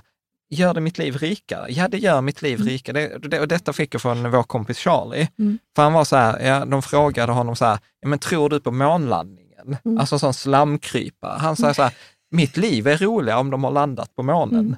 Så jag väljer att tro att de har landat på månen. Mm. Och jag var så här, för så jävla bra. Men jag tror också att vi faktiskt vi lever i en tid när vi är rationellt skadade. Jag har inte börjat läsa The Master and His Emissary av Ian McGilchrist, men jag är på G. The master and His, em, his Yeah. Emissary, Mhm. Left Brain, Right Brain. Han har en teori om det här som, som så att säga, den rationella har blivit master, men var aldrig meningen att vara master. Vem håller i kopplet? När det är det rationella intellektet, då blir det fel. För det är ett begränsat synsätt. Det är farligt. Det blir omänskligt. Det blir omänskligt, det blir inte. Så jag tänker att vi lever i en samtid där det är väldigt lätt att göra den kopplingen. Mm. För det är så det liksom ser ut. Men, men alltså, Man nej. missar den där, eh, men jag läste någonstans för ett tag sedan om eh, någon som skulle hjälpa till med något bygge av, eh, inte en fabrik, men något annat, något hus i alla fall, i något uland. Och så sa han, men det finns en, det finns en traktor i närheten och vi kan ta den och lägga alla tegelstenar i den här Skopan. Ja, skopan och sen så det går mycket snabbare och blir mycket effektivare. så sa den gamla då, det här gör vi för människan. De ska bygga det med sina händer. Och sen så var det liksom eh, så att alla hade varit med och byggt. Precis, rationellt, effektivt, produktivitet och så vidare. Det, vi, vi tappar någonting om, om livet liksom destilleras ner till att bara handla om det. Där är andra Man måste liksom lägga det till hela. det där mänskliga. Så vad behöver folket här nu? Vad behöver jag? Vad i hjärtat? Liksom? Eller Jag vad tror- ska man säga? Ja, jag, tror, jag, tror, jag tror Niklas Delmar, en kompis också till oss, brukar ju säga så att Sverige är väl liksom ett av världens mest rationella länder Mm. och det är väl därför vi också har en så hög ohälsa. Psykisk Eh, ohälsa. Psykisk ohälsa. Men om, om vi pivotar tillbaka till Mm. säger jag när det menar jag. Mm. Eh, men jag. Jag kan ju tycka att det där är också klurigt. Och vi hade faktiskt sånt exempel i bilen häromveckan. Eh, så att vi hade varit på lekplats och så skulle vi åka och handla någonting till Freja ville inte ha den maten vi skulle ha, så jag sa, ja, men då får du hänga med till Ica Mm. eller vad det var, så får vi handla något annat. Mm. Eh, och, och så ville inte hon. Liksom. Hon och vill sen- inte med till Ica. Hon nej. ville inte med till Ica. Och sen blev ju du förbannad på henne. Liksom. Ja, tänk att det var jag som pushade det där. Så, ska, du, ska du ha den maten du vill ha så får du följa med till Ica och hämta den. Ja. Jag vill inte. Ja. Så bara, Ja. fick, kom jag igång här nu med någon gammal Mm. sån här skiva som spelar att du måste ta ansvar för det du vill. Liksom, Mm. och håll inte på nu var lat och sånt där trams. Ja. Ja. Nej, men sen, sen gick ju du och Elsa in och, och sen så satt jag i bilen och, så, och då kom vi in på, jag vet inte om det var före eller efter att du och jag hade varit lunchat och då, då sa jag så här, nej men så här, Freja, liksom så här, okej det är viktigt för mig att du säger ja när du menar ja. Det måste varit efter att du och jag hade Mm. träffats. Eh, och så sa jag så här, ja och sen ibland får man göra saker man inte vill och ibland så kommer vi som föräldrar säga så här, att du får Mm. göra detta i alla fall. Detta är inte en av de gångerna. Mm. Liksom, att det är superviktigt för mig att du följer med till, till, till ICA. Så jag sa, så, så vad vill du?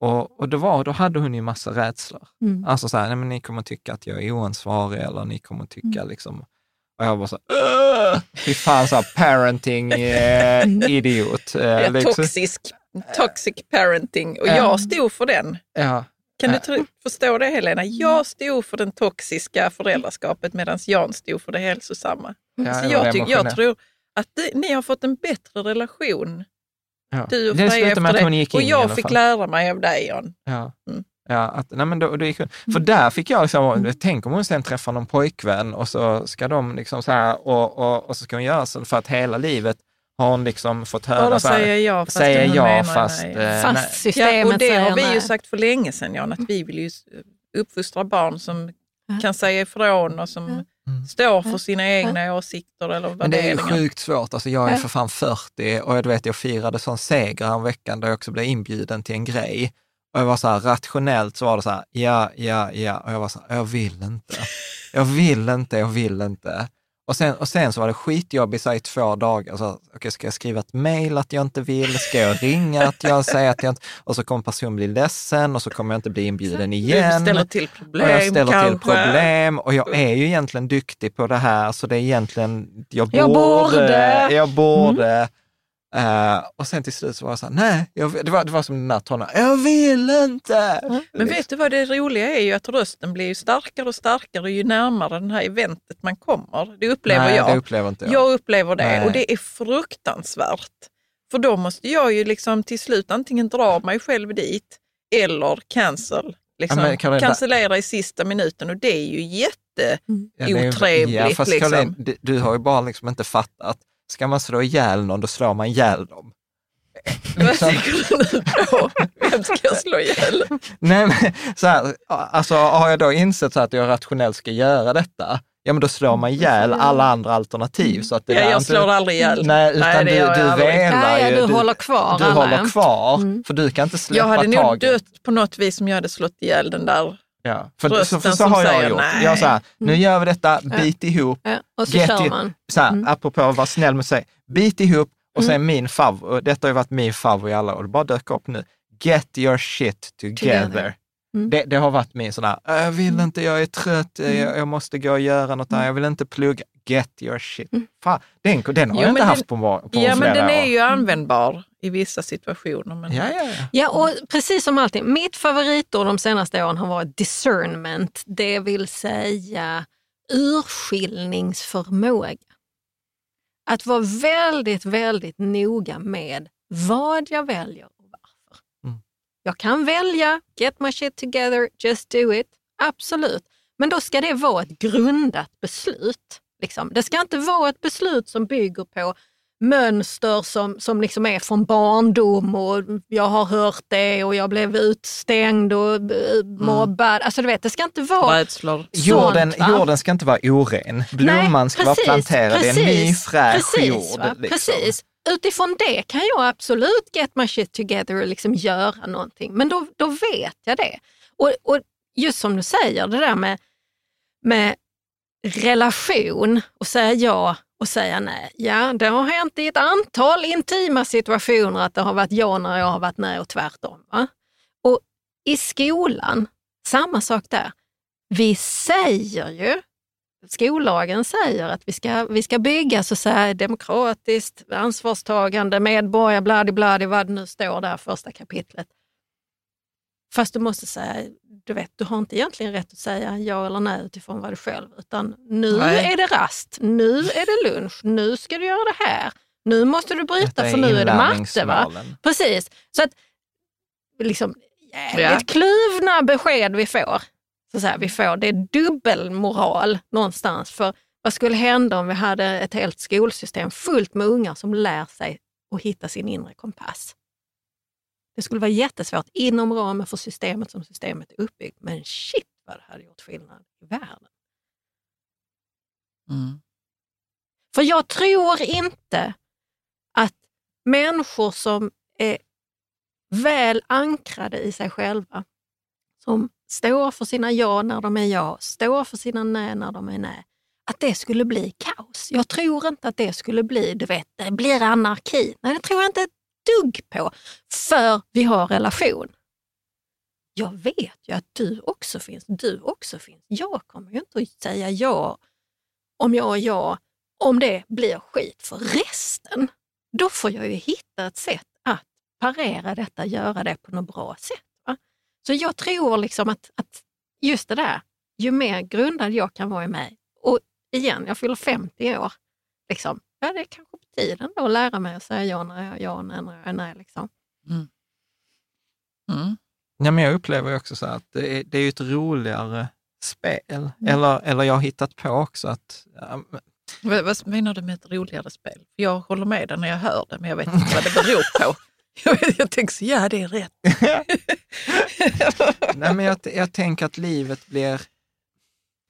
Det är en sån grej, alltså om vi ska knyta tillbaka till det vi har pratat tidigare också, rikare liv, så, så tror jag att mitt liv blir rikare med det. Så, och det är inte alls liksom kopplat till, till ekonomin. Mm. Alltså så, då, så att det är ett sätt att liksom höja upplevelsen av ett rikt liv utan att behöva liksom tänka så här, om tio år när jag har x kronor på kontot, eller liksom beroende på hur börsen har gått, utan det, det är ju någonting jag kan göra idag. Det är en av de där, liksom så här, från sidan, att om jag tror att så här, mitt rika liv kommer när jag har x pengar, vilket är liksom lätt när man lyssnar eller följer på oss, så tror jag att detta ger kanske nästan lika mycket eller mer effekt på kortare tid. Mm. Men det kräver också någonting annat. Det Mm. kräver en insats. Mm. Det, kräver, det kräver mod Mm. att, att kunna säga nej när jag menar nej. Mm. Jag upplever att nejet är mycket svårare än jaet, eh, i och för sig. Jag vet inte om det är så, det bara slog mig nu. Nej då, Jana kan vara jättesvåra också, kan jag bara villigt erkänna. Är det så? Jag vet inte, jag måste fundera på ett exempel liksom, för att förstå. Kan inte jag Men det kan nog bero på rädsla och sånt, att man vågar kanske inte Ja, riktigt Jag ge sig in i en- jag har någonting. ju min skam. Ja. Så att säga ja när jag vill något för att jag vill något. Oh, du vet. Kommer, kommer yxorna och liksom hugger mig jäms med fotknölarna. konkret, konkret Ja men du vet, intim situation. Oh, kan du röra mig där? Mm. Lite mer av det där. Bara så, Sånt får man inte säga. Du vet, jag är duktig flicka och präktig och hela min Mm. vippen, inte kan jag. Ja, precis. Så att jaet, jaet behöver inte vara svaret på en fråga, Nej, nej, nej, nej, nej, nej. utan jaet kan vara liksom att Ta för sig.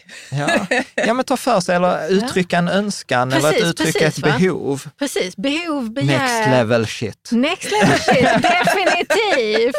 Och jävligt spännande, för jag tror att det egentligen är, för mig så är detta ett inre spel.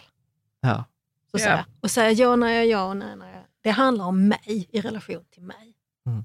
Sen om jag agerar på det utåt eller inte, det är liksom nästa steg. Men om jag inte, om jag inte ser och känner när jag är nej eller ja, så finns det ju inte en chans att jag liksom kan ta det till den yttre relationen heller. Va? Och sen gör det omöjligt för den andra. Dessutom så här, Ja. för man kommer vara otillfredsställd. Ja, och så blir det så här. precis. Du borde fatta vad jag tänker. Mm. Har ju aldrig funkat hittills. Va? Nej, det är inte särskilt ansvarsfullt. Nej. Nej, Mm. inte alls. Så det är verkligen ett sätt att ta ansvar för mig och alla mina relationer. Mm. Så shit alltså. Mm. Mm. Och igen, även här, jag hade ju aldrig kunnat komma på det här spelet som du kallade för för 20 år sedan. Mm. Du vet, där var inte jag då.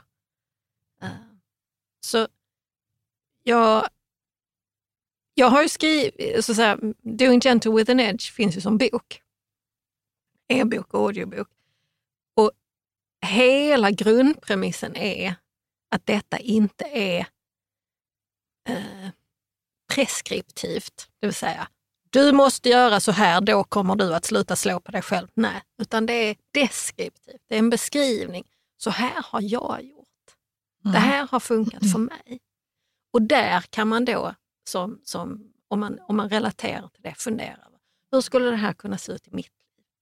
Vilka av de här frågorna väcker någonting i mig som gör att ha, jag kanske kan leka, testa på den där grejen. Jag kanske kan börja säga nej till den där. Alltså du vet, att, att, att man hela tiden, och jag tror det är det som är det relationsbaserade just där. Det är därför det är så viktigt att vi delar med oss av oss.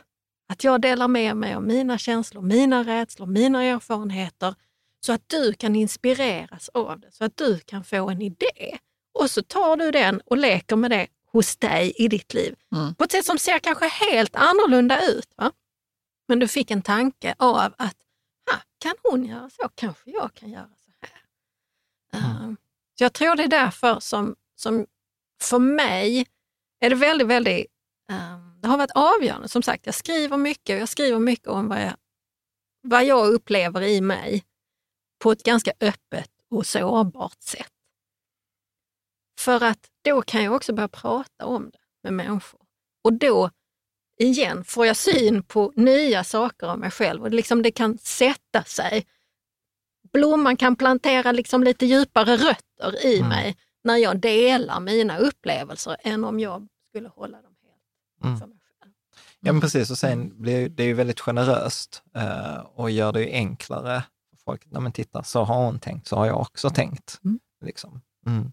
Alltså jag tänker så att vi skulle kunna prata, nu har vi pratat en och en halv timme. Mm. Jag tycker det är, jag som var lite så här orolig inför det här avsnittet. Bara, Kommer vi ha något att snacka om? Kommer jag vara så här, Helena, kommer vi ha så här, ja, och så där, ja men jag, du behöver inte förbereda något. Och Jag bara, Men Helena är också van vid. Ja, men precis. Men jag var så här, jag, jag klarade mig ända tills igår kväll att inte förbereda. Men i morse var jag så här, jag måste gå upp tidigare och förbereda. så att det är liksom så här, alltså det var ju också apropå forumet, då skrev jag vid något tillfälle så här, tillit är bra, och sen, eh, eller tillit lite bra, kontroll är bättre. Och sen är det roligt för jag vet att det är liksom folk som har jobbat med liksom typ eh, insats, typ insatspolis, och så var det någon som skrev så här, och razzia är bäst. men eh, men jag tänker så här, Elena, att vi, vi ska runda av. Jag tror vi, kommer- vi, vi kommer behöva fortsätta prata om det här i, i, i kommande avsnitt. Men man kan hitta mer info om dig på tankespjärn.com. Ja. Jag vet också att du tar coachklienter ibland, att om man tycker att de här frågorna är intressanta så kan man anlita dig som, eh, som coach. Och Ja. Jag vet att vi har skickat allt från nära vänner till dig till liksom folk på forumet. Så att det, upp, uppmuntras, eh, verkligen. Eh, sen vet jag så här att du älskar ju böcker. Mm. Jag tror att du hade du inte förra året så att du läste en bok i veckan? Förra året blev det 108 böcker. Ja. Så Ja, det blev två böcker i veckan Ja, med där. lite råge. Om du skulle säga out of the blue, ett boktips. Mm. Då säger jag det som har eh, seglat upp som min absoluta, absoluta Sätt mig på en öde med den boken så är jag nöjd och lycklig. Och det är Women Who Run With The Wolves av Ah. Clarissa Pinkola Ja, Estes. ja. Vi har snackat Mhm. om den. Jag måste nog ha den i min bokhylla. Jag har läst den flera gånger, lånat Ja. på biblioteket sju gånger typ. Okej. Så det är alltid kö på den. Det är, en, det är en bok som, ett, jag rekommenderar att man köper den. Två, jag rekommenderar att man har penna i hand och så gör man marginalia, så att säga, utropstecken och pilar och frågor. Och jag har ingen bok som är så hundörad som den. För att där finns nästintill inte en sida som jag inte hittar någonting som är av ja, liksom, vikt. Mm. Coolt. Det är väl till Så mig det jag. Är den även för män? Ja, Ja. det är det som har varit så intressant. Jag är i slutet av en bokcirkel på denna boken tillsammans med en ung manlig vän. eh, som har varit helt fantastisk. Vi har haft bokcirkel på varje kapitel. Mhm. Och det har varit helt fantastiskt att få, jag då, så att säga, fyller 50 år, kvinna, mamma, hela den biten. Och så har det här 24 år, man, ingen familj, ingen liksom fast relation. Så här, helt fantastiskt. Det har varit oerhört berikande att och, och, så säga, sätta till den aspekten till att prata kring varje kapitel i den här boken. Och jag, Alltså så här, vad handlar den om? Jag vet att Det du har en, pratat eh, om en sydamerikansk psykolog som har Mm.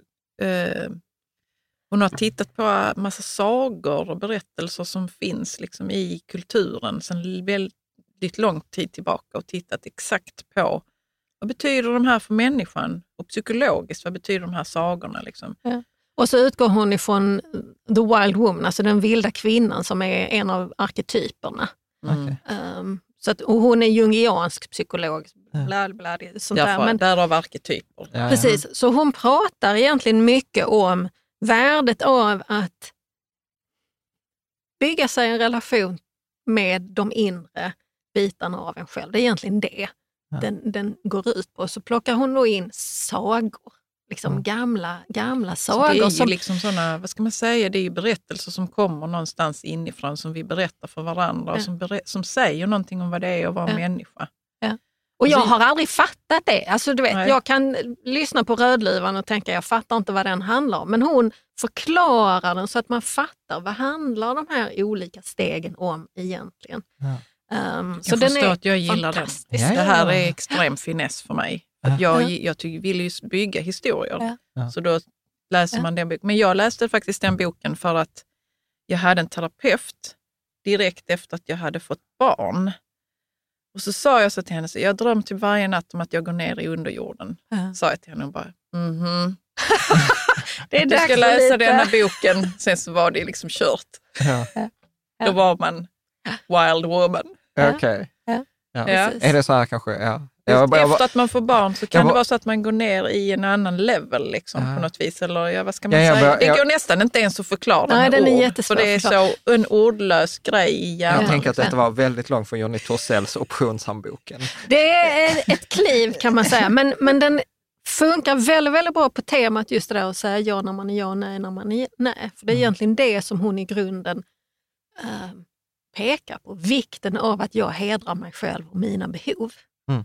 Och inte bara kör på och gör det där, jag ska och borde och så vidare för alla andra. Utan jag måste ner och se till att jag får näring från, från så att säga, jorden jag är planterad i. Och det Mm. gör man um, på olika vis, men Mm. du behöver göra det. Liksom. Mm. Uh, Så för mig har den varit helt... Jag, började, jag läste den första gången för, för förra året och sen så då, nu håller jag på, håller då, hållit på i ett år och läsa den ett kapitel i taget och pratat om det. Och jag kommer fortsätta. Så är det någon som är sugen på att vara med i en bokcirkel, ett kapitel i stöten på, på den, på engelska, Mm. så tjoa, för jag kommer vilja fortsätta.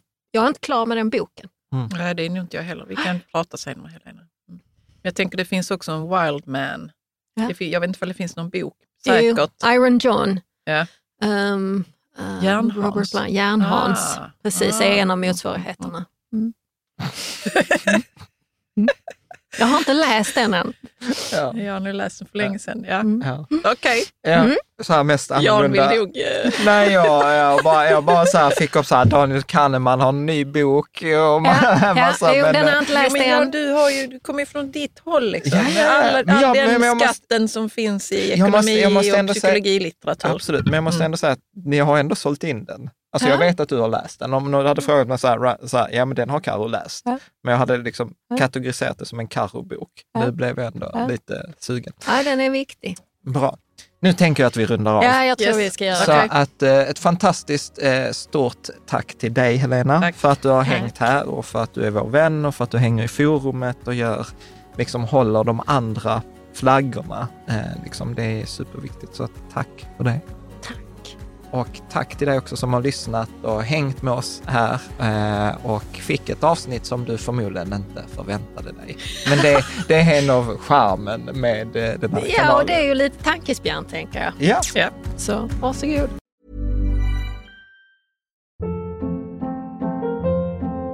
Hold up. What was that? Boring. No flavor. That was as bad as those leftovers you ate all week. Kiki Palmer here, and it's time to say hello to something fresh and guilt-free. Hello Fresh. Jazz up dinner with pecan-crusted chicken or garlic butter shrimp scampi. Now that's music to my mouth. Hello Fresh. Let's get this dinner party started. Discover all the delicious possibilities at hellofresh.com.